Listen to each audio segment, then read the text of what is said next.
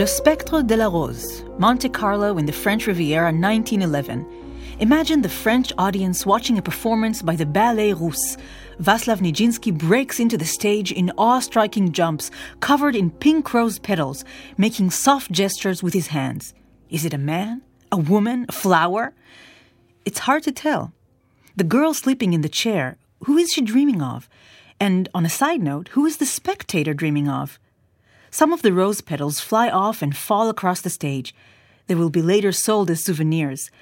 And the image of the rose, with its daring gender fluidity, will persist in the dance repertoire of the 20th century, giving rise to a new discourse contributing to the myths surrounding Nijinsky a male dancer, a star, a virtuosic acrobat who paved the road for the male ballet dancers who followed in his footsteps, Rudolf Nureyev and Mikhail Baryshnikov.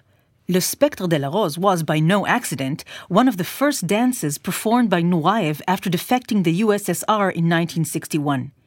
Nijinsky was also the first choreographer of The Rite of Spring, a choreographer of only three works, a bisexual who was Sergei Diaghilev's lover and married Romola, the writer of his biography, and who left the Ballet Russe in a huff and was finally hospitalized for schizophrenia until his death in 1950. Nijinsky is the greatness and the insanity, pioneer of performative gender fluidity, all which have shaped the image of the male dancer in the public consciousness of the 20th century.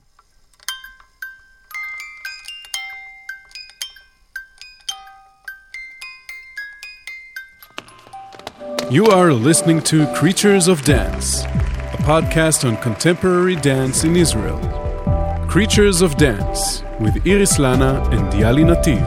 And on this episode, Boys, Girls, Cowboys, Masculinity. With the participation of choreographers Gilad Yerushalmy, Niv Sheinfeld, and Oren Laor, Dotan Brom, scholar of the history of the LGBT plus community in Israel and Palestine, and our regular guests, Yair Vardi, director of the Suzanne Dellal Center until 2020, and Ran Brown, independent researcher and dance critic for the Haaretz newspaper.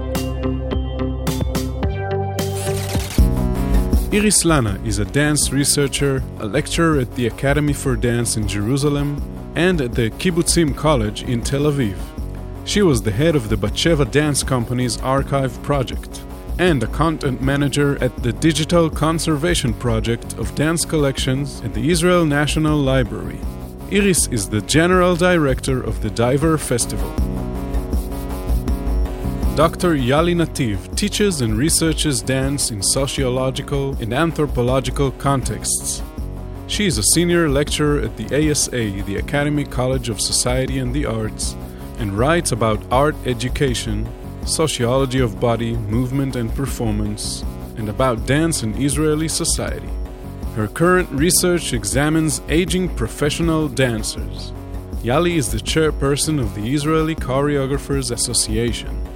This episode is narrated by Natalie Feinstein, Avia Spitzer, Josh Becker, Iftach Mizrahi, Tzach Cohen, Nitzan Zitzer, and Michael Rose. Hi, Ali. Hi, Iris. What does it mean to be a male dancer? Is it even worth talking about? Some choreographers, both male and female, do not openly address gender in their work. Merce Cunningham is an example. But in dance, we see a body, and the body is a text. And this text exists within a culture, and culture attributes crucial meaning to our identities as men or women. So, yes, this gender is a powerful key. And in this episode, we will use it to look at Israeli contemporary dance works we will discuss works by choreographers and dancers who openly reflect on their male identities and representations, such as 4 Men, Alice, Bach and the Deer by Yossi Berg and Oded Graf from 2009, a dance work that was described by cultural critic Omri Herzog as a concentrated, intensive, compressed capsule of masculine demonstration. The work presents a catalog of masculine gestures and tells a story of four men friends and the inherent violence of their friendship. Berg and Graf use face masks to unmask the constructive cliches of manhood, retelling the terrible story of Little Red Riding Hood and the wolf, exposing the destructive power of male female stereotypes. But before we go further to discuss other dance works, let us take a step back and ask what does it mean to be a male dancer? What kind of challenges do male dancers face? Here's a quote by a woman ballet teacher saying, When a woman dances, nobody cares. All women can dance. But when a man dances, now that's something. This quote appears in a research by American anthropologist and dance scholar Judith Lynne Hanna, who argues that men dancers, being a minority group within the dance world, enjoy significant advantages. They start dancing relatively late in terms of age. They receive special attention from teachers. They're promoted into the professional scene much quicker than women are, and they face much lower expectations as far as experience and capabilities. At the same time, we know that entering the dance world is never easy for boys. There is always some eyebrow raising. At a younger age, boys are much less encouraged to dance in comparison with girls, and sometimes they are pressured not to. It is not always the case, there are always exceptions, but this is the norm. Dance, as we have mentioned in the previous episode, is perceived as a feminine domain, and the dancing body, especially when it is a man's body, carries a cultural baggage of multiple gender related premises. It is marked as weak and effeminate, representing an antithesis of the alpha male, and may be insinuated as gay or sissy. In addition, the eternal question which keeps hovering above all male dancers will always be is he gay or straight? When I conducted interviews for my PhD research in high school dance programs in 2004, I interviewed one boy out of 100 girls who danced in three different programs. We were sitting in a cafe in the city of Bat Yam, talking about what it meant to be a boy dancer. Suddenly, he pushed the microphone aside, bent forward, and whispered in my ear, Look, everybody thinks I'm gay because I'm a dancer. And it's true, I am gay, but it's totally off the record. We discussed this issue with dancers Gilad Yerushalmy, Niv Sheinfeld, Oren Laor, and Yair Vardi. Gilad Yerushalmy is an independent dance artist who creates dance for the stage and for digital media. Hi, Gilad. Hi. What does it mean to be a male dancer, and what does it mean to be a male dancer in Israel? You know, I've been very preoccupied with this question, I must say, especially now. It's a very dynamic and changing experience, of course. I feel that there are two big experiences of this thing of, of being a male dancer in Israel. One is outside of the dance world. That is the way I experience it as a person who is out on the streets, meeting people, living within Israeli macho culture. There's also a specific experience within the queer culture. Then there's the experience inside the dance world, which is quite different. So, I would like you to describe your experience as a male dancer in Israeli society, not inside the dance community, but in general. So, this is a very different experience. Uh, it involves declaring, I'm a dancer, and saying it to whoever I meet on the street, you know, to my landlady, in all everyday interactions. Every time it's like saying, I'm gay, and then having to face the reactions and the eyebrow raising. And then face the, oh, really? So, show us a dance if I state it as a fact in conversation, then I also have to face questions about, you know, how I make a living. For example, when I signed the contract for the apartment I live in now in Tel Aviv, you know, everything went well until the landlady found out I was a dancer. And it seemed so odd to her because my father's a doctor. So she asked me, I mean, why did I not take over the clinic since that would have been the natural thing to do? And it sort of sort of undermined her trust in me. I mean, although at the end, you know, she went along with it. You mentioned the close association between being a dancer and being gay. Could you say more about it? I think that as far as the stigma and the stereotyping are concerned, absolutely, especially in Israel. I've danced in Europe and studied there and in the US as well. And I feel that being a male dancer is far more accepted there. The definition is, is it's much wider and much more fluid. I mean, the fact that you're a dancer does not imply necessarily anything about your sexual orientation. But here, society makes this association. Not that there's anything wrong with that. I mean, I'm a dancer and I'm proud. I mean, I'm gay and I'm proud, but still, this is a country of, of football for boys and dance for girls. And even if it seems different in our inner circles as dance people. There are many male dancers in Israel today, right? How do you explain that, considering what you've just said? Do you think something has changed in recent years? I can only speak from my personal experience, of course. I didn't research the topic, but I think things are changing as we speak. this is really my interpretation, I mean, the way I feel. I feel that I'm at the end of a generation of male dancers who started dancing late in terms of age, I mean, after the army service. I think that many of my male colleagues started after the age of 20. Now, there's a lot of, I don't know, charm and grace and a certain roughness to it, and it brings a flavor of that extra machismo and, and sexiness of the, you know, the sexiness of the unrefined man that we still praise, which is fine with me, as it worked in my favor in the end. But, I mean, today I am refined. And I feel that there are more and more young dancers today who, at 18, already graduate from dance programs in high schools and, you know, start their professional careers, just like many female dancers who started as little girls and, you know, kept dancing through high school and so on. I do feel that today there are more and more male dancers, but I still feel that in my generation, and I know I'm only 31, it's it's relatively rare. I can probably name all of them, and I mean, probably tell you their life stories. There's a certain familiarity between us. It's interesting. You say that there are more male dancers, but I think that even if there are, there are still not many. Yeah, that's true.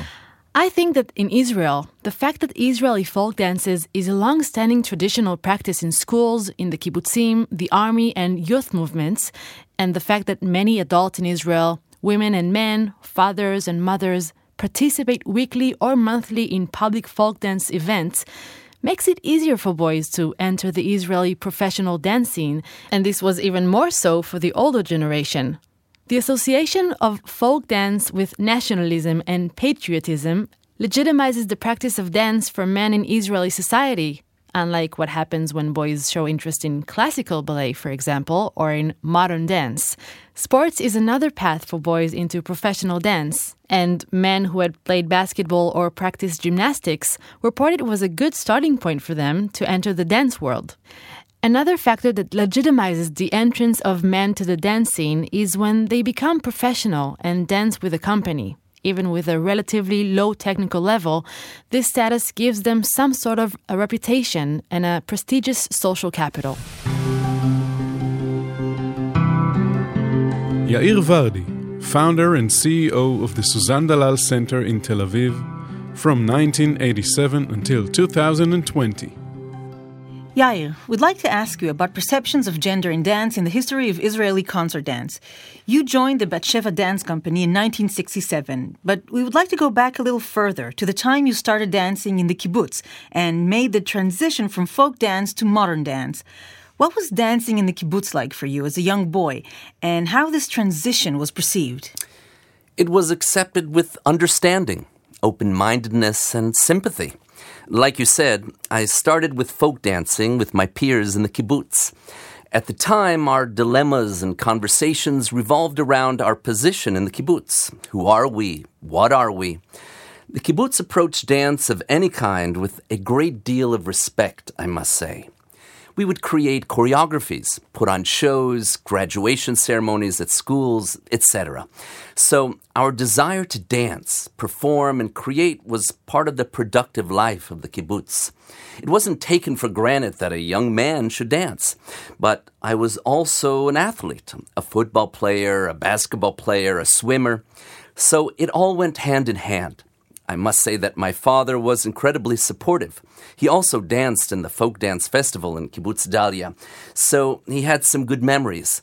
All in all, I don't remember anybody giving me a hard time. On the contrary, there was always respect for me as Yair who wanted to dance. And when you started dancing other things, like modern dance with Ariela Peled, did things change? No, it was very much the same. There were very few men there, perhaps three. All the women were older than us, but we felt great. Ariella will be young forever, and the classes were unique with comprehension and a strong emphasis on music, understanding dance through music. And it was great because it enriched us and introduced us to new ways of thinking that we didn't even know existed. It was extremely helpful. Did you have performances with the studio? We performed at end of year ceremonies, and it was a celebration. The whole Galilee would come. These were wonderful times, the pride of the Galilee. And when was the decision to become fully professional? When did you decide to choose dance as a profession? I think it all happened during my army service. A few different things came together. I felt I was attracted to this thing, to dance, when I was kind of a semi professional dancer at the Batsheva Dance Company during the Six Day War. During the Army, I managed to combine my three and a half years service dancing with Batsheva. The company showed a lot of understanding and support and helped me in this battle of maintaining my capabilities as a dancer and staying fit and still completing my army duty. However, I don't think I don't recall any one moment of deciding now I'm going to be a professional dancer. I was drawn into this thing. One thing led to another. I met Moshe Efrati and Rina Schenfeld, and they helped me a lot at the time as well. How did the wider Israeli society accept you as a dancer? The dance world clearly received you with open arms, but were there other reactions, any eyebrow raising? As I mentioned before, in the kibbutz, which is a relatively traditional society, it was received with complete understanding. It wasn't an issue. And outside of the kibbutz? I didn't have much contact with the outside world. Other than the programs I've already mentioned, Ariella Peled Studio, the Batsheva Dance Company, I didn't have much contact. I don't recall any remarks or issues with my decision to dance. I remember a lot of respect. Oh, you're a dancer. How wonderful. The Batsheva Dance Company was already well known in the late 1960s and early 1970s. It was something that was brand new in the Israeli artistic and cultural landscape. We were all stars.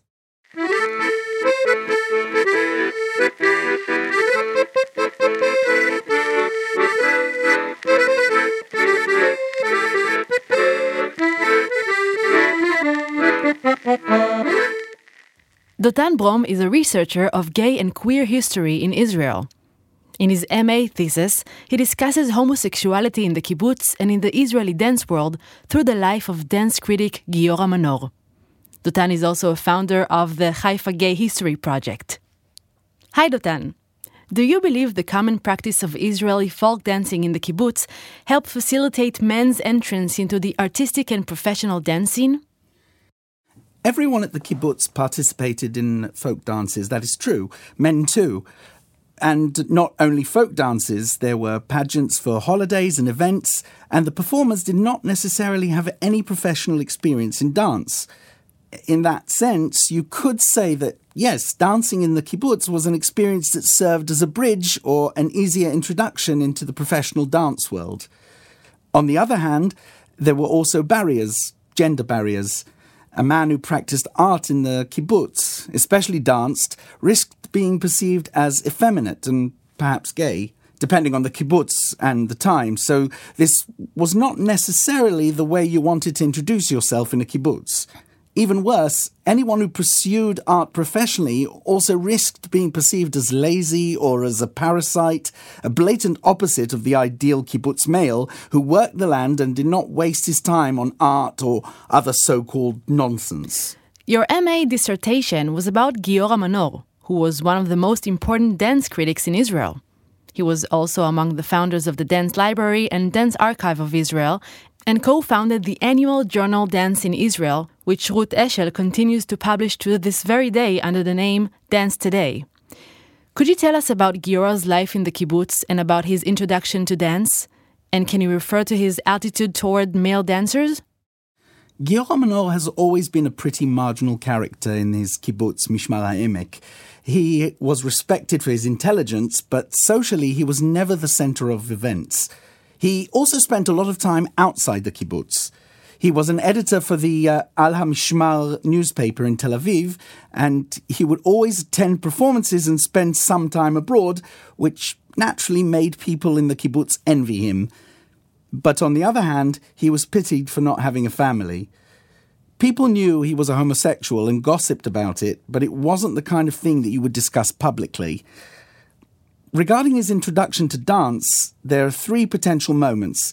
At the end of the 1950s, he was involved with a woman named Zuki, who was a dancer and choreographer, and also worked with actors on movement. He was a theatre director at the time, and she exposed him to the dance world. In 1966, he travelled to Denmark to study television. He was supposed to participate in the foundation of the Israeli National Television, and there he watched performances of the Royal Danish Ballet. In his autobiography, he writes that this was when he first fell in love with dance. I think he is romanticizing it a bit. I believe the more significant introduction was in 1970 when he started writing for the cultural section of Al Mishmar newspaper. Because the paper stopped covering theatre, which was his domain, he started writing about dance and had to study this world. You asked about his attitude towards male dancers. It is quite clear that he liked male dancers and male choreographers. I mentioned his trip to Denmark earlier. There he saw works by Flemming Flindt, who was a choreographer of the Royal Danish Ballet in the 1960s. In his autobiography, he writes, and I quote, the men were equal to the women dancers. The male dancer is more than a carrier for the ballerina, he is an artist in his own right. And if you look at the other texts he wrote, in a draft of an unpublished article, he writes about Nijinsky, that great dancer, the choreographer of the Ballet Russe, who became a symbol for masculine sexuality and for homosexuality in dance. And in this article, he refers to the tights Nijinsky wore and how they were a sensation in Russia, and one may assume that they were a sensation for Manor too. In 1976, he wrote an article about Baruch Agadati. He would write a book about him later. Baruch Agadati was among the pioneers of Israeli dance, a dancer choreographer who used his theatrical personas to play with gender boundaries. In 2000, the Suzanne Dellal Center presented Behemoth, Beasts, choreographed by Ido Tadmor and others. Manor was not in the habit of writing negative reviews, but he did write such a review about this work titled Not So Kosher Beasts, and there it's interesting. He argues that it is a purely male work. The artists and dancers are all men, but that perhaps it is a mistake and that there is nothing new about it, that the association between male dancers and homosexuality is outdated. On the other hand, he complains that if one already decides to create such a work, why not let the audience enjoy the splendid bodies of these handsome male dancers? And I quote from his review Trendy rules of lighting forbid that the lighting artist should illuminate the stage with anything but emergency lights, which hide more than they reveal. On the one hand, there was no real nudity to speak of, and on the other hand, you could not enjoy the sight of the fine young men participating in the show. And I think this more or less sums up his feelings about male dancers.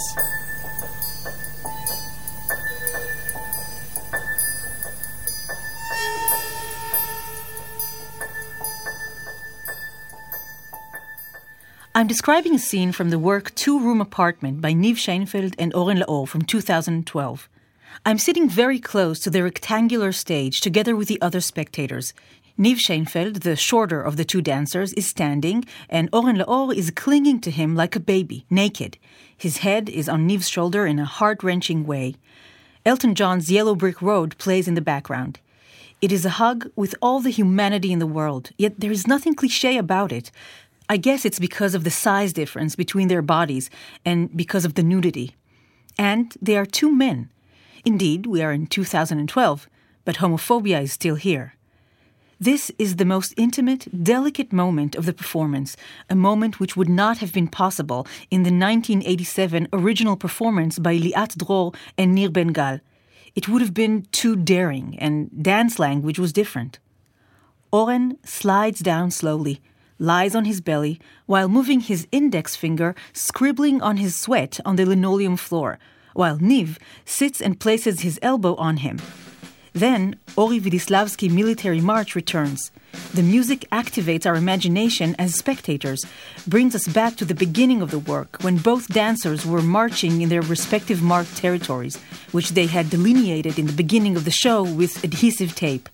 Now, the music brings us back not only to the beginning of the performance, but also 25 years back to the endless, repetitive, and Sisyphean marching of Nir and Liat, a man and a woman, around their respective territories, which were then defined by a three dimensional metal construction. And this marching is the work of life and the making of relationships, routines, and chores.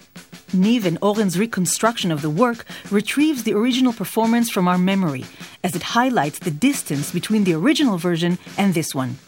The repetitive marching, which draws the contour of the work, is disrupted by different events.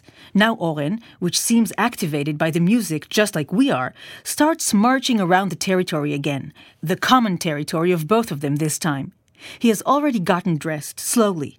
A sock, and another sock, putting on his military shoes and then his underwear. He pulls them up as he marches, adjusts it, and performs the cliche, iconic masculine gestures of Nir Ben Gal, sniffs his armpits and scratches his balls. At the same time, Niv appears to be obsessively washing his shirt. Is he playing the feminine role of Liat Dror? The stereotypic male and female movements re-emerge, and they are intensified when Oren takes the washed shirt and pushes it into his underwear. Really? Could there be a more blatant cliche? But this is only to keep deconstructing the gender dichotomy. In a minute, all of this will dissolve into silence as they hold hands, look into each other's eyes, and then into the audience's eyes, embarking on the last and final journey of the show.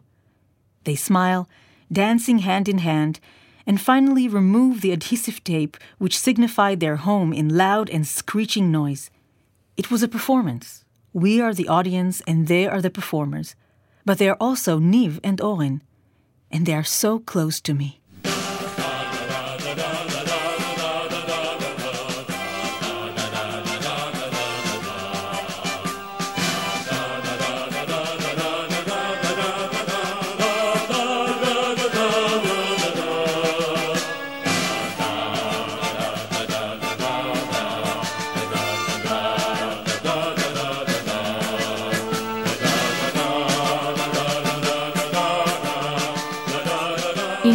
1987, Nir Ben-Gal and Liat Dror's two-room apartment won first prize in the Gvanim B'Machol Festival competition in Tel Aviv. This is how Liat Dror described it at the time. It's about two people when they are together and when they are apart. She was talking, of course, about a man and a woman. In 2012, 25 years later, Oren Laor and Niv Sheinfeld presented a new version, different from the original one, in their approach to gender, age, space, and movement, working from a contemporary dance aesthetics.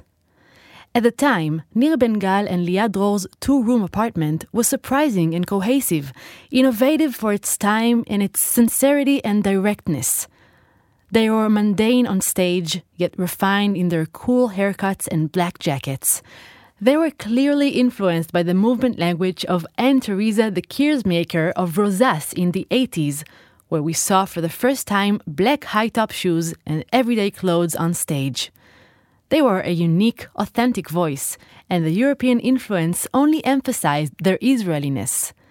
In the new version of the work, Niv and Oren perform a reenactment, a new practice and term in contemporary choreography, designating a reconstruction of a dance piece which reinterprets the original work.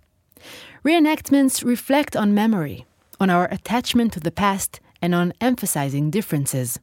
The original choreography was reshaped into Sheinfeld and Laor's bodies, but the changes did not end there.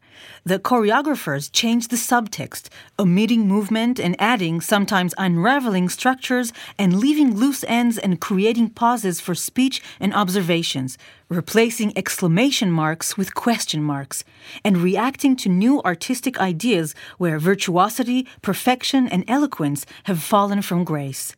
We spoke with Niv Sheinfeld and Oren Laor about the significance of being a male dancer in Israel. We did a project in schools with fourth graders, and in almost all the classes, the boys didn't dance, not even hip hop. They were embarrassed. The girls always go for it, and the boys always have issues, at least at that age. And one of the things we liked to do was to show them that here we are, two men, male dancers, coming to work with them. We didn't mention the fact that we were life partners, of course, because of their age. It wasn't relevant. We performed for them a bit, and then we danced with them. But it was so clear that this is something inherent to Israeli society. Boys will have difficulty participating, girls do not.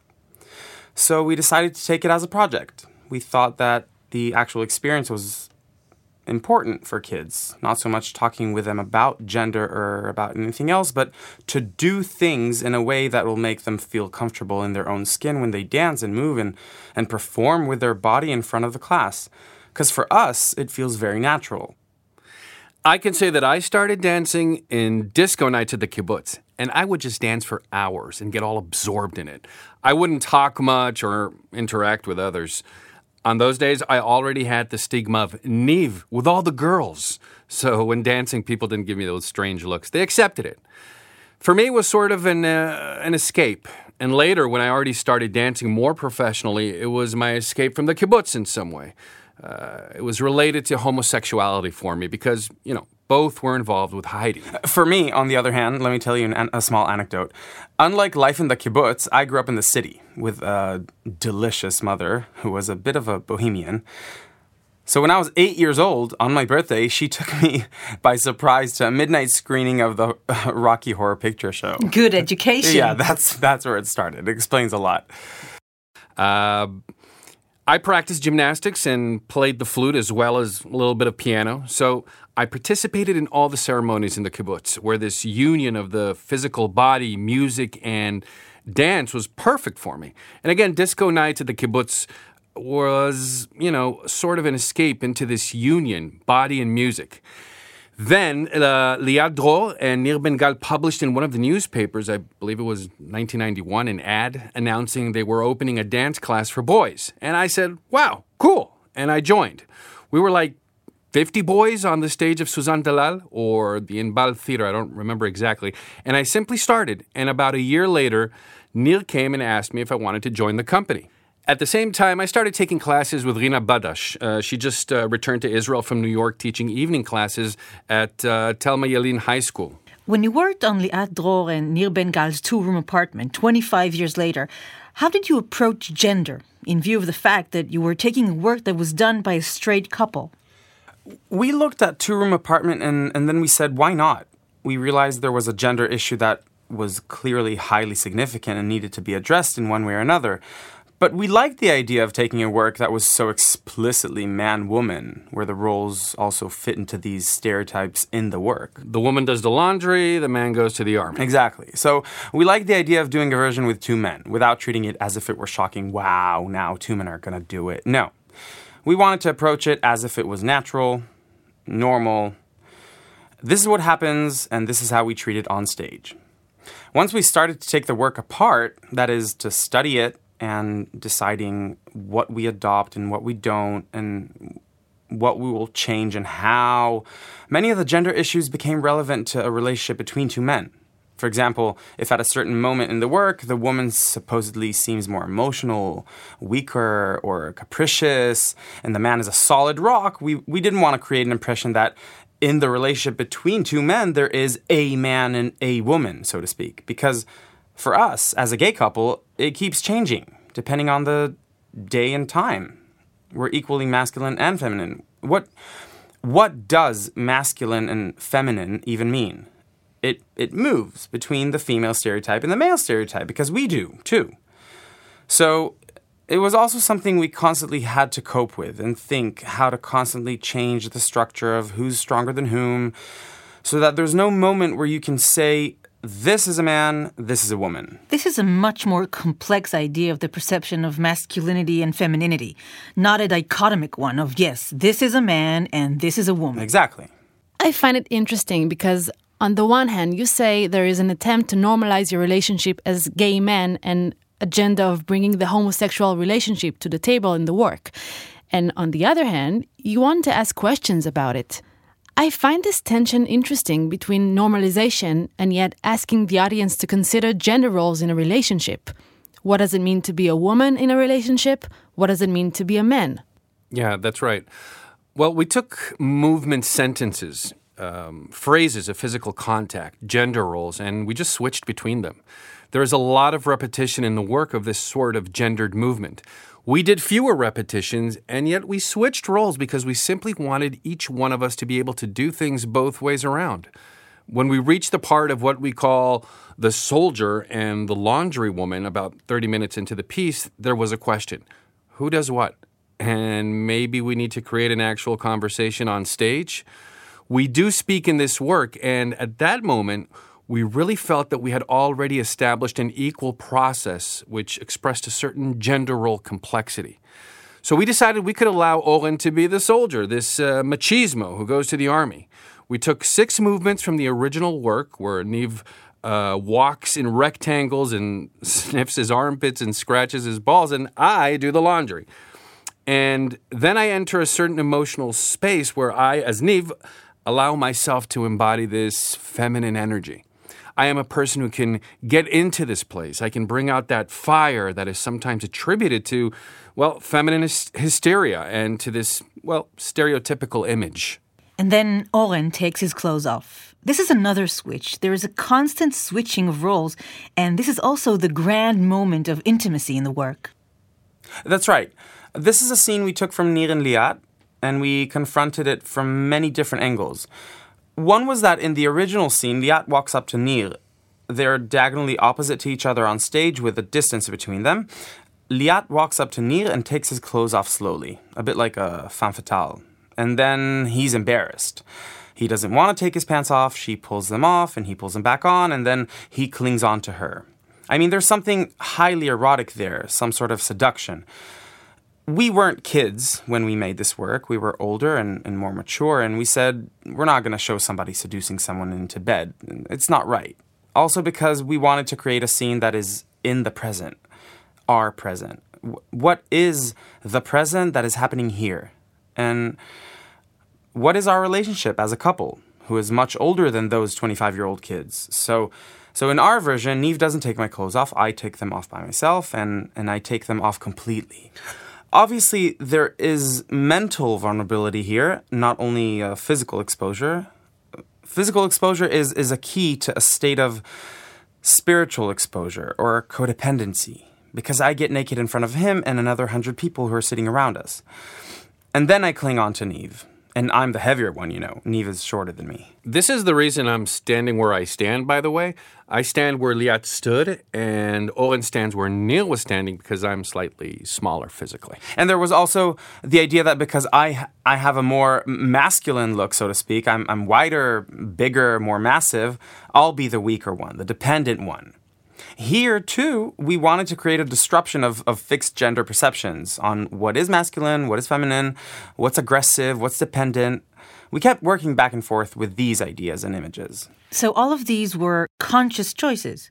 I think that a key word that was mentioned here is present. That the whole work is actually constructed on the present tense, on concreteness. It is both of you out there, not a representation of you. It's Niv and Oren who are there on stage. It's like the change you made to the set design, which takes shape before our very eyes as an audience. When you make the set, and it's not a set designed by a set designer on a proscenium stage. So I think that this concreteness is a starting point for looking at this work. I agree, Iris, that it is about the present and about concreteness. But I also feel that it is a work about gender fluidity. Like you had said earlier, Oren, in everyday life, neither of you have a fixed gender identity. One is a man and the other is a woman. You let yourselves fluctuate, just like in real life, like in the back and forth game that you have mentioned. And to me, it's like a performative fluidity that you practice in your everyday life and also bring to the stage. That's very true. Uh, I'd like to go even further and connect what you said to what Iri said earlier about this this present that is really us, which is a very tricky thing. In the third dance, too, which is a duet we remade on another work by Nir and Liat, there's always an embedded question within the performative intention. On the one hand, we set the stage to look highly designed as if it were to emphasize that it is really us and not characters. On the other hand, it's also fluid because we we're still us yet engaged in this fake drama and suddenly it's not the real us with such a fluidity within the performative process, we do want to construct a feeling of a present. That's the thing. We want it to feel like this is really taking place right now. And we do it by leaving places that remain open. So there is still room for. It's not all about precise timing. the texts can change, where you go, and, and so on. We consciously leave these gaps in the narrative to fill them with whatever the inspiration of the specific moment brings up. And you also drink water and wipe your sweat and your nose if you have to. That's right.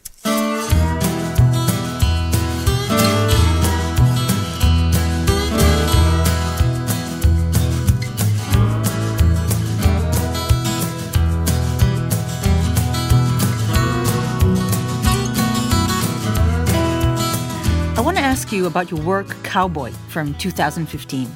In this piece, there's a whole different discussion of gender and masculinity. What kind of masculinities are there, and how did you treat this angle as a work that was created a few years after Two Room Apartment? Uh, cowboy. Uh, yeah, there are a few things here. Uh, a lot to unpack. I told you earlier the story of myself as a boy wearing a dress and ballet shoes. For me, it is some sort of a fantasy, something that most people will have a hard time relating to, quite honestly, even those who are very close to me. You know, someone told me once, you should be on stage like you would like your mother to see you. And this is someone I appreciate and love, but the reaction is still. So, anyway, we were working with Gilad Yerushalmy, and Gilad brought to the studio something that really surprised us at first we asked him to do this monologue, and he did it in a very extroverted, almost feminine way, sometimes using feminine language. A diva. A diva, yes. And for us, it was sort of intimidating at first, and we chose to include it in the performance. And this too wasn't easy for some of the people. It was intimidating, although this was exactly what we were looking for. And still, we found it intimidating. Finally, we realized okay, this is our lesson here. We need to think why do we find this intimidating? I mean, we're familiar with this phenomenon. We like drag a lot, and 15 years ago, we even made a show in which I was in drag, Gerona.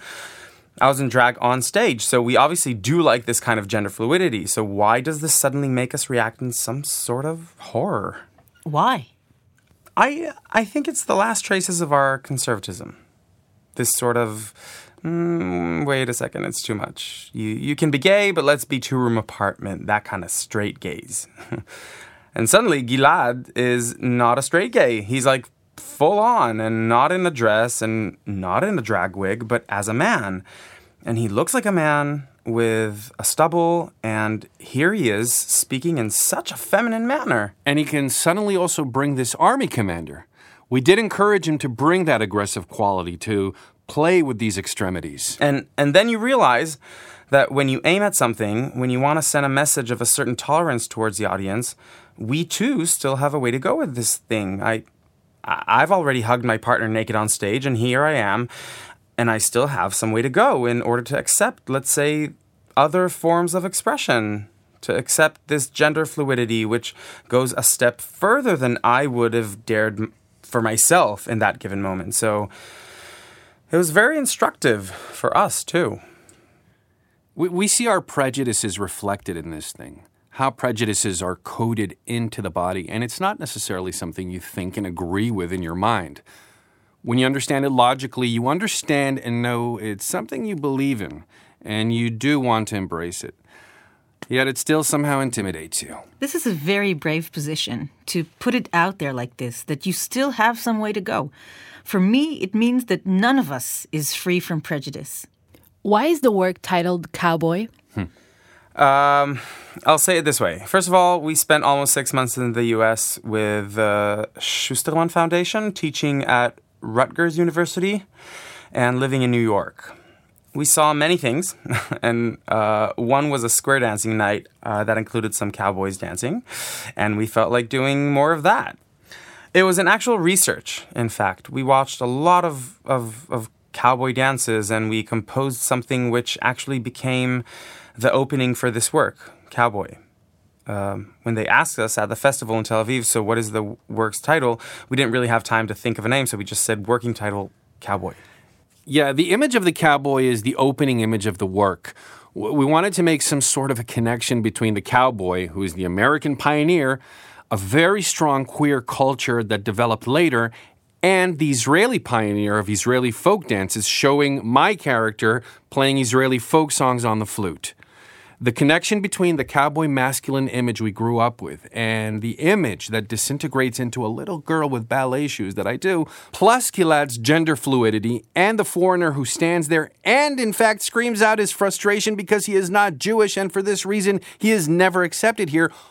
All of these came together for us in this binary of masculinity and this world of power where places of weakness and tenderness are not allowed for men. I'll add that Cowboy is first and foremost a gay fantasy that is quite, Common? yeah, common. Why? It's a fantasy, but not just in the sense of being sexually aroused by this image. There's something about it. I, I'm speaking for myself, but I'm sure it resonates for others as well. There's something in the image of this solitary man who spends days all alone in the mountains with his cattle, in this social isolation of feeling you're inside a bubble.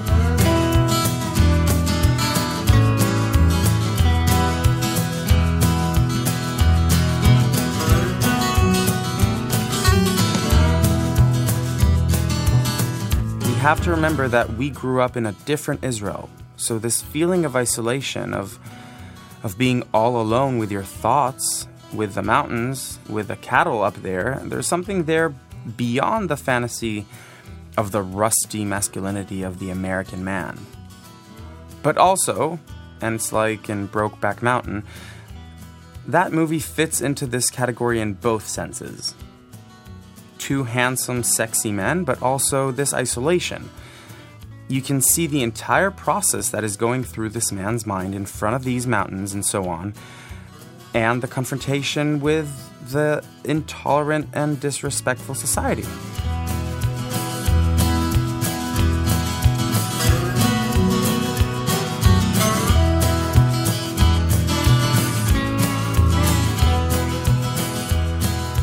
We're back with Gilad Yerushalmy to talk with him about Cowboy.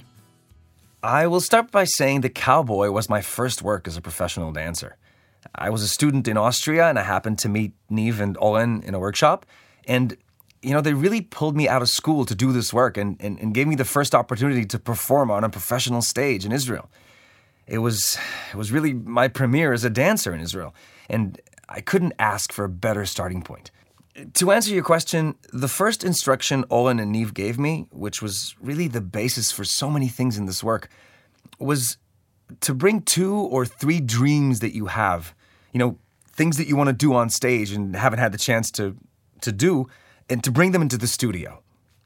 And one of my biggest dreams from an early age was to be the host from the musical Cabaret, who is this you know, like this weird gender fluid creature. He's with men and he's with women and he's queer and he's in 1930s Berlin and he has these crazy texts and, you know, these stunning numbers. And that was my dream, my fantasy. And, and I brought that. I did a small number in the studio and I ended up being the host of Cowboy. And I think there was a lot more space for my gender fluidity in there.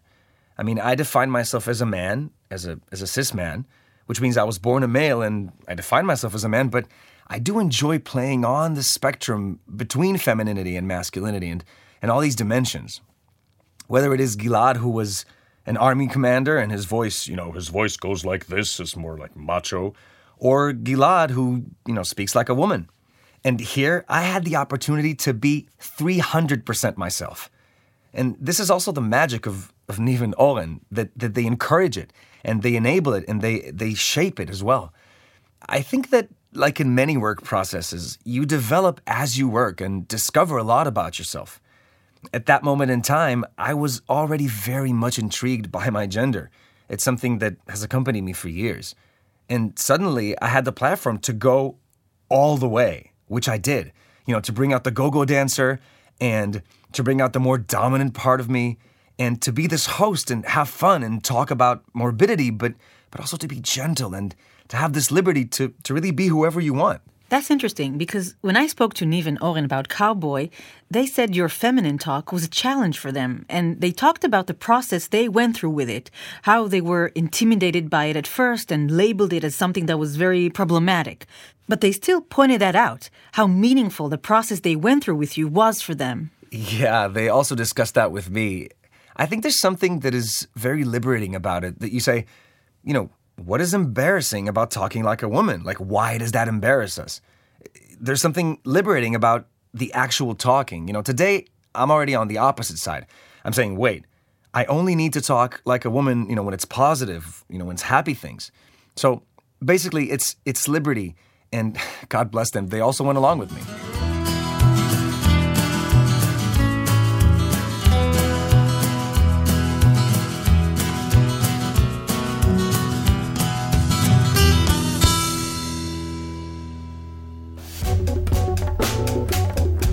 Ran Brown is an independent dance researcher, dance critic for the Haaretz newspaper, and head of the dance program at the Thelma Yellin High School for the Arts. Let's talk about masculinity, which is an issue which came up in many of the interviews we conducted with men dancers and choreographers. What would you like to say about it, and which choreographers deal with this question? Can you give us a few examples? Yes, so masculinity is another interesting uh, issue to examine in Israeli dance. Uh, an early work w- we may refer to is The Hill by Roy Assaf from uh, 2012. And it's, in, it's interesting because it does not openly address masculinity. I think it deals with the army, an experience most Israeli men have. And this is precisely what's interesting how this experience is entangled in Israeli dance with militarism and with the experience of loss. So, this is a work performed by three men, and the gun that fires in the first act is, of course, used again at the end. Therefore, there is death in the work. The work suggests an examination of masculinity that is almost inseparable from looking at militarism and nationality in Israeli society. This is done through the music that appears in this work, like the IDF anthem. Givat HaTachmoshet. Givat HaTachmoshet, the Ammunition Hill song from 1967, the Six Day War. Another work which addresses this issue is a work from 2017 by Yossi Berg and Oded Graf, titled The Rite of Spring. And it is, of course, an adaptation of Stravinsky's or Nijinsky's Rite of Spring, shifting it into the local sphere. This is another example of male only cast on stage, four men this time, which deals in a different way from the previous one with representations of soldiers as an image of Israeli masculinity. If I remember correctly, the work starts with Yossi emerging from underneath a yellow sheet.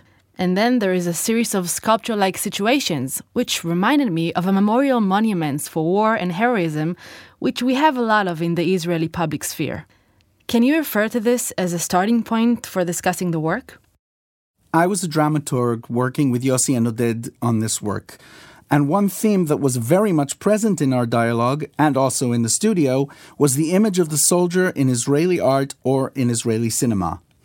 As we were exploring this, we found an article by historian uh, George Mosse who discusses nationality and the worship of the dead soldier in Europe. It's very interesting to see how this ethos is intertwined with nationality and protects the traditional gender social order. In this sense, it's no accident that countries that experience a surge of extreme nationalism experience also the return of extreme chauvinism. It's no accident that they are closing the faculty for gender studies in Bulgaria right now, because protecting the good old order goes hand in hand with preserving gender roles and national boundaries. In The Rite of Spring by Yossi and Oded, part of the game we played was precisely our attempt to understand this bond between masculinity and nationalism. One of the things that's uh, going on in the work is gender fluidity, which is expressed through embodied alternations between multiple static, sculpture like familiar images, and the possibility of dissolving them into a more fluid, transient, changing image. This mechanism constantly reemerges throughout the work and enables the manifestation of a clear sense of homoerotism. I'm describing a scene from One More Thing, a work by dancer and choreographer Adi Boutrous, premiered in Curtain Up Festival in 2020. There are four men on stage wearing everyday clothes. Two of them are lying on the floor diagonally with their back to the audience leaning on their elbows. The other two sit in front of them, looking at them. Silence. There is no music. We're about halfway through the work. A minute later, two dancers are slowly sitting down on the bellies of the lying dancers, carefully laying their entire weight on top of them. A moment of physical contact and tenderness. Now they move backwards across the stage in unison. You can hear their heavy breaths and the dragging of hands and feet. It's hard to carry the weight of another body in this posture. Very slowly, they sit up on the floor and, in close contact, suddenly roll with force and stop at once. Leaning against each other, they roll again and stop in another leaning position. They repeat this several times. As they are moving, they support each other, look at one another, and physically care for each other. Then they stop as one of them lies on top of the other, back to front. There is nothing erotic here, only a physical act of full human attentiveness and mutual empathy of the senses.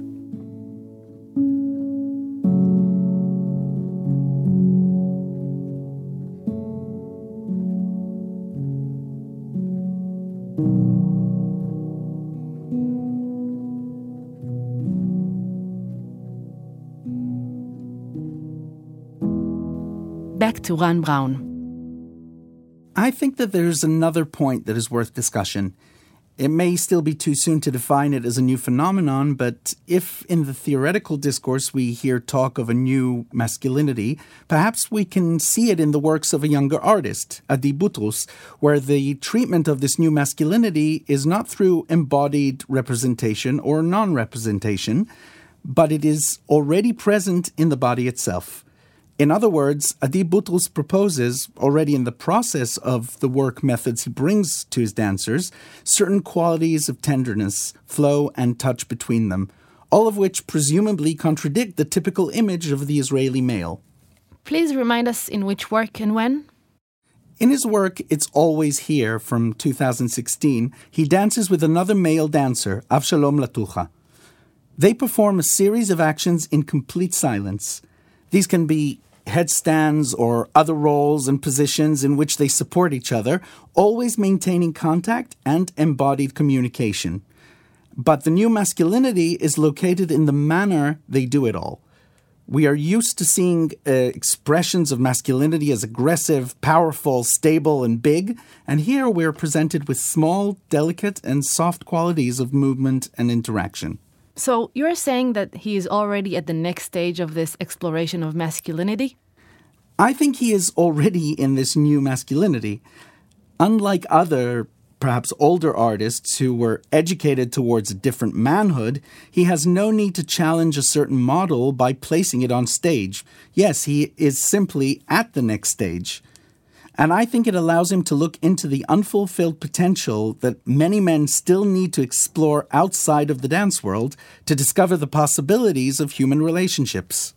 This really takes me back to early Simone de Beauvoir with her one is not born but rather becomes a woman.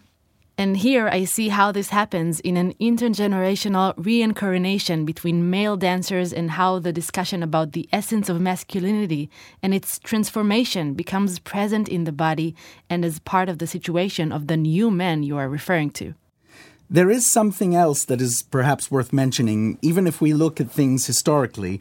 In 2000, a project titled Behemoth, Beasts took place at Suzanne Dellal, in which four male choreographers were invited to create a work together Ido Tadmor, Emanuel Gat, Yossi Jungmann, and Shlomi Biton.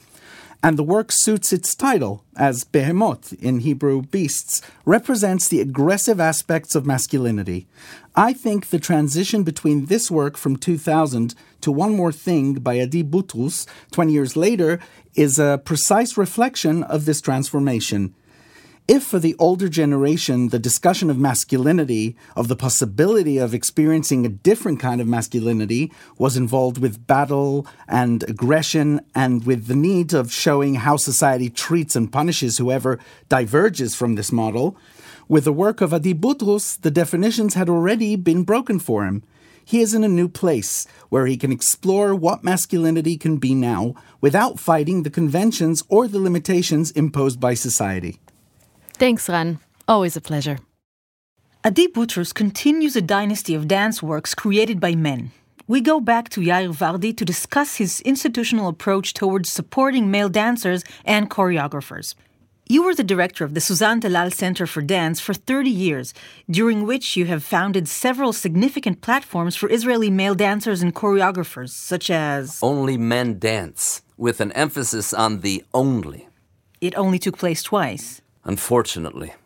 Tell us about what motivated you in founding this platform.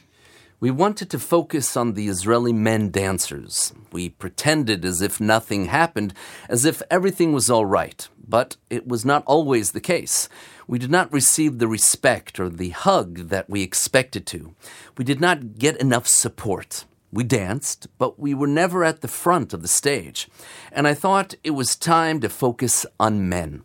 There were so many young men who danced and danced well, choreographers too. So I went for dancers, choreographers. It was a time that, as CEO, I was looking for new, different directions. I kept looking for new ways to provide a suitable stage for Israeli artists. There were two more projects we created for men only Javier de Frutos and Behemot, beasts in Hebrew. All in all, we gave men the stage four times outside of the designated project Men Dancing. So we did try to put the spotlight on the male sex. Let's go back to Gilad Yerushalmy.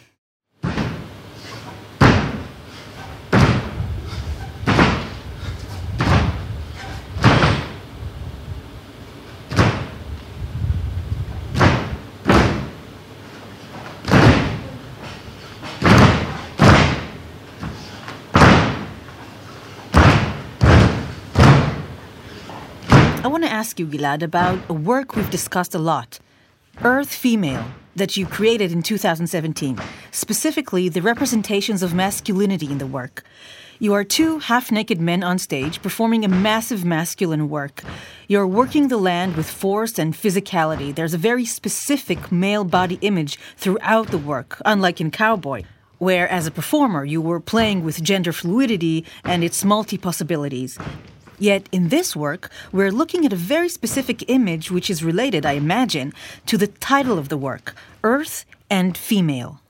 Yeah, so I think Earth Female was born out of my own preoccupation with my gender. I mean, am I a man? Am I a 100% man? I mean, what does it mean to be a 100% man? The inspiration was actually the work of the Israeli pioneer poet Rachel, a woman who immigrated to Israel in the beginning of the 20th century in uh, 1909, before the State of Israel was formed.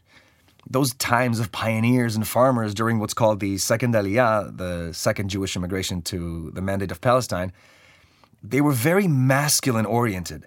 It involved the invention of a new Jew, like the new Jewish man or tzabar, through, for example, the imitation of the Arab falach, the farmer working in the fields. So basically, these Jewish pioneers wanted to invent a new Jewish man, not a new Jewish woman. Like women's role, the Jewish mother, all that remained intact. But the man needed to reject the diaspora Jew with what was considered his feminine and repulsing characteristics. That perception brought out the feminine quality as well as the gentleness and the fragility of the pale Jew, who must be rejected. And after undergoing a very long process in our creative work, we decided to try to put it to practice in the studio, to treat the studio floor as the earth that we have come to work and to conquer, and to make our bodies into the very representation of this ideal new Jewish male, you know, trying to purify it from any remains of femininity, so to speak. And of course, that eventually I wanted to show the price, the pain, the, the hardship, and the loss of this process. And perhaps even given, you know, an optimistic wink after all, I'm an optimistic person because, in the end, the earth, as well as femininity, I mean, they all hold elements and qualities that we can learn from. If I trace the circular narrative that created the inspiration of the work, it begins with Rachel, the poet, and continues the male image of the Jewish pioneers, and looks back at how these men perceived this incredible woman, Rachel. After all, she was a groundbreaking feminist who shattered glass ceilings, who not only learned to speak and write Hebrew, which wasn't really common at the time, but used it to create art. This also refers to the gender discourse about her today in Israeli schools and you know the way her story is told. For example, the fact that she was barren and she had tuberculosis, her weakness in her romantic relationships with her lovers, all this gossip and, you know, a little bit of slut shaming. Instead of dealing with, you know, with what's important, you know, what a woman. So this cycle finally brought me back to the lack of feminine presence, which is the important thing. I wanted people to see it. I, I wanted it to hurt a little and, and, and to make people understand by using the title female, while what they were seeing are in fact two men in their underwear, you know, whamming and slamming. Sweating themselves to death. Yeah, sweating themselves to life. In this context, let us talk for a minute about the physical aspects of the work, about the body or the embodiment of the movement. I remember a vertical body bending down hard with great noise as it hits the floor again and again. Can you talk a little about this movement design? You also stand facing each other. I remember that horizontal line that you are moving in. Can you explain it a little? So, the movement language we work with is inspired by the world of agriculture. That is, these grids that we move on from side to side are like plowing, like the oxen we imagine dragging the wagon behind it. The slamming body parts are all reflections of planting. By the way, each movement has a name. This is planting, and this is the shovel, and this is the hoe. It's a bit like using your body as a tool. I mean, the weight of your arm will be the weight of the iron you need to lift and then slam.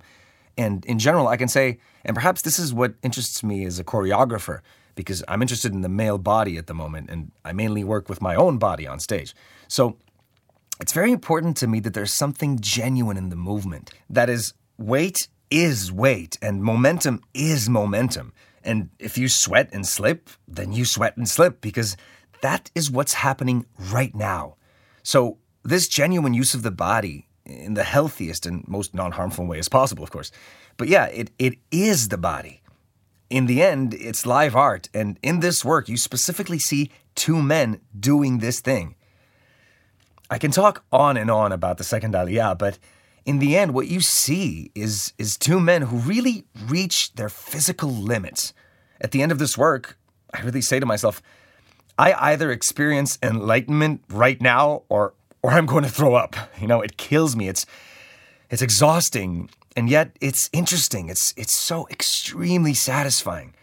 There's a certain satisfaction about connecting to this to this libido, to this crazy machismo. You know, it's it's also very stimulating, right? And I must say that only in 2017, only after this work premiered, you know, for the first time in my adult life, I realized that I was fully a man. I also realized that I have the performance of a man, that I was constantly busy with this representation of my masculinity, you know.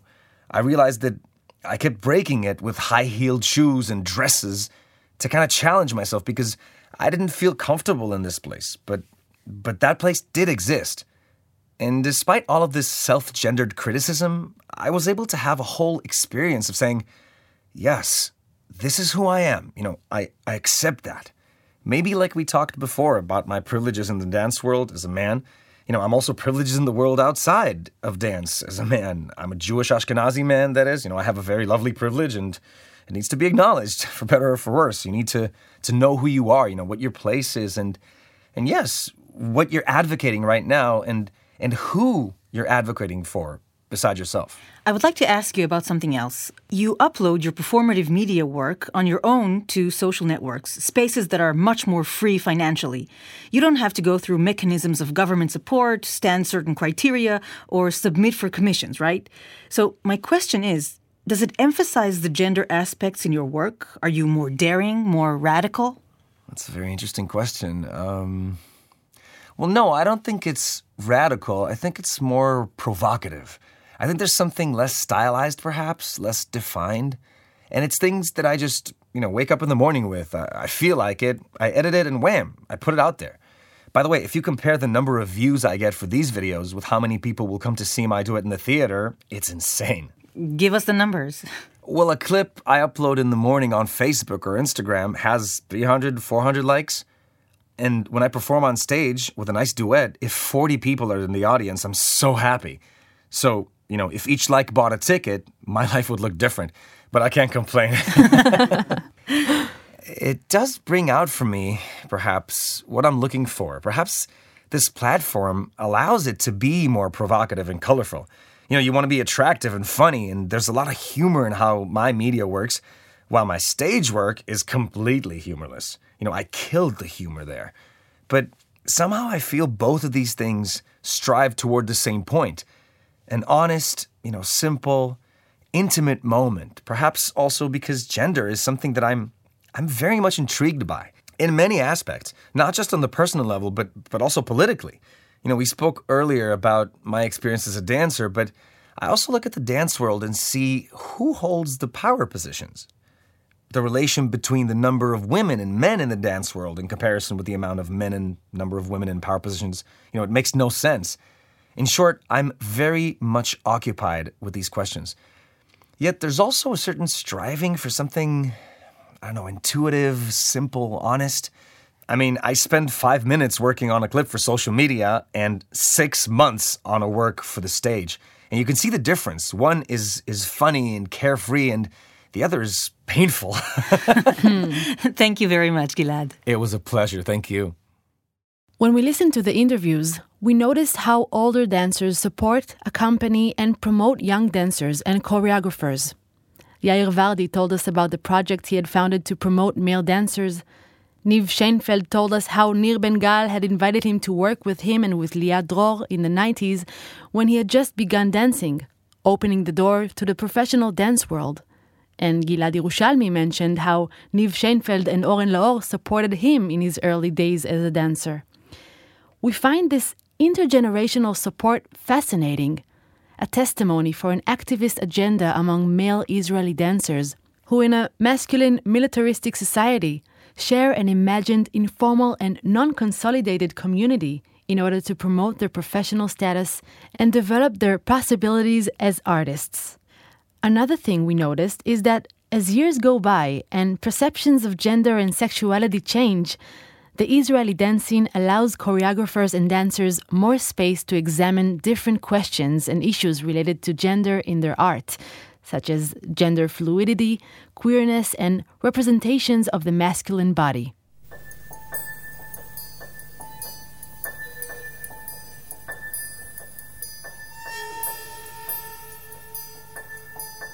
Cliches and stereotypes are displayed on stage to be challenged, and the artists we talked with have something to say to the audience about the male dancing body. They propagate change by setting new models.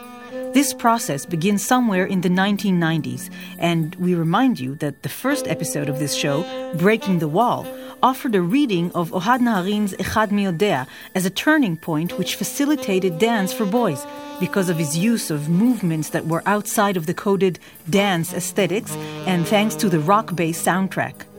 Many things have happened since. Many Israeli contemporary choreographers and dancers, some of which are mentioned in this episode, have dug deeper into this wide spectrum of possibilities, echoing and creating a social change that is still taking place.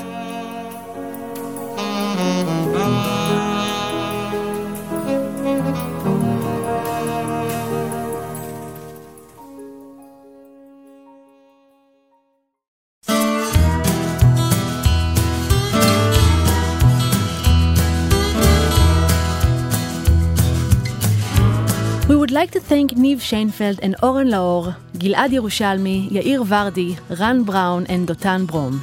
We also thank Matan Ashkenazi from the Ozen Musikalit recording studio for editing, narration, and recording, and Zohar Zalz from Eshel Studios, as well as Ido Keinan and Omer Senesh from Podcastico, and the artists who we have discussed their work on this episode, Roy Assaf, Adi Boutrous, Yossi Berg, and Oded Graf. This podcast is part of the Tides Dance and Thought discussion platform and was produced in collaboration with the Division of Cultural Diplomacy of the Israeli Ministry of Foreign Affairs and the support of the Israeli Choreographers Association and the Ministry of Culture and Sports. You are welcome to visit our website www.tidesdancethought.com slash podcast where you can find more information about the works discussed in this episode. To listen to our previous episodes, look for Creatures of Dance on Apple, Spotify, Google, and Deezer podcasts. Music by order of appearance. Downpour by Kai Engel, 2019. Anthem of the Children by Manolo Kleinhaus, accordion Matan Ashkenazi. Two Room Apartment by Ori Vidislavsky, 1987. Piano, Ori Vidislavsky and Chaim Grinspan. Saxophone, Peter Wertheimer. Moonshine Town by J.R. Tundra. Givat Tachmoshet, Lyrics by Yoram Taharlev. Music by Yair Rosenblum. Oren Lev Karaoke. Pacific Wrens by Chad Crouch, 2021. Excerpt from Earth Female by choreographer Gilad Yerushalmy. A live performance, Gilad Yerushalmy and Tomer Giat, 2017.